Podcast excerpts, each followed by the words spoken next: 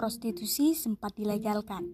Bahkan ada pemeriksaan kesehatan khusus untuk pekerja seks supaya menghindari adanya penyakit menular seksual.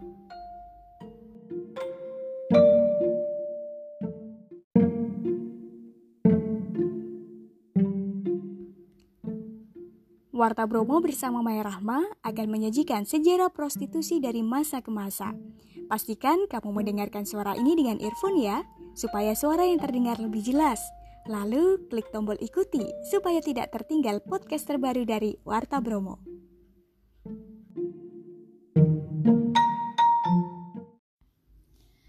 Kasus prostitusi tidak ada habisnya meski kerap kali ditindak, bahkan mengalami modernisasi sesuai perkembangan zaman.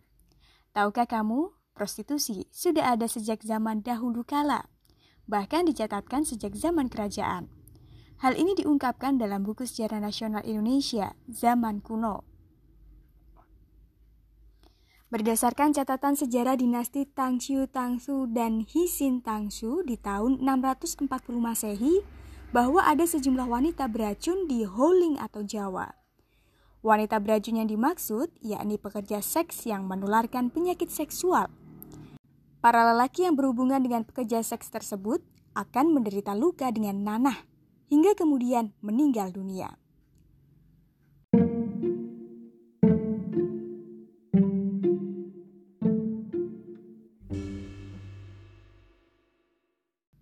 Prostitusi ini terus berlanjut di zaman kerajaan, pembelian budak seks marak terjadi dan merupakan hal lazim.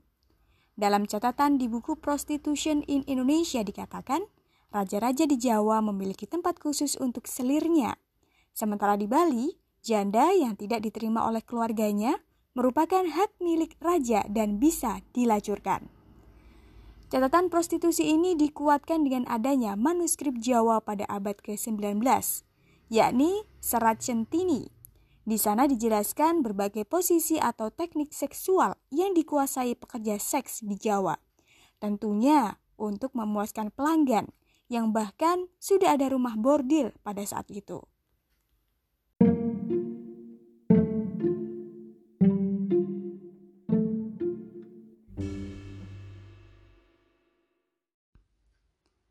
Prostitusi tak pernah berhenti.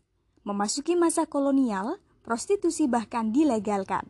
Hal ini tercatat dalam riset Terence H. Hull, Profesor Emeritus asal Australian National University. Pada tahun 1800-an, penjajah India Belanda melirik praktik prostitusi ini. Mereka warga lokal secara khusus bahkan disewa untuk melayani para kolonial. Para wanita lokal ini terpaksa melakoni bisnis karena permasalahan ekonomi. Keadaan ini didukung oleh aturan kolonial yang melarang bangsanya menikah dengan ras yang berbeda. Maraknya prostitusi ini membuat pemerintah Hindia Belanda melegalkan prostitusi. Hal ini untuk mencegah munculnya penyakit menular dan hal yang tak diinginkan.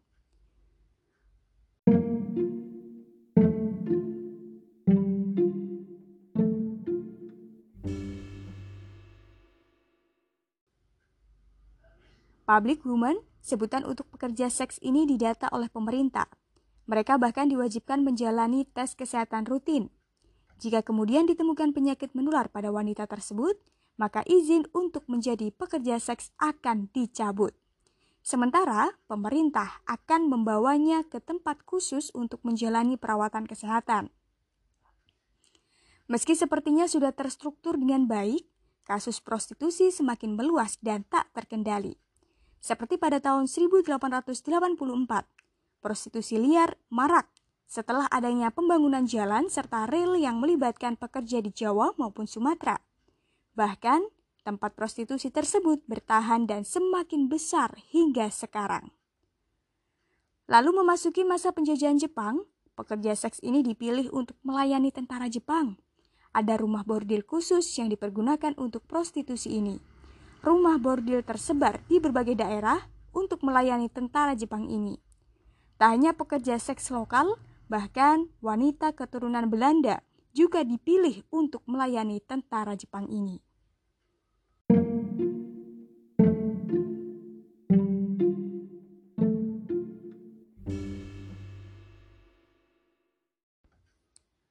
Kasus prostitusi tak pernah berhenti meski Indonesia sudah merdeka.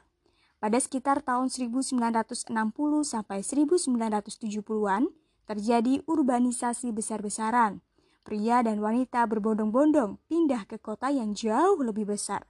Karena minimnya skill, wanita ini biasanya menjadi pekerja seks, baik yang ada di rumah bordil maupun yang merangkap di panti pijat, bar, dan restoran semakin tak terkendali prostitusi ini. Tidak ada lagi pendataan seperti pada masa kolonial Belanda. Tidak ada lagi pemeriksaan kesehatan rutin untuk pekerja seks. Para pekerja ini juga tidak bisa dijerat oleh hukum karena hanya masuk tindakan amoral. Hanya saja orang yang bertindak sebagai mucikari atau penghubung antara pelanggan dan pekerja sekslah yang bisa ditindak hukum.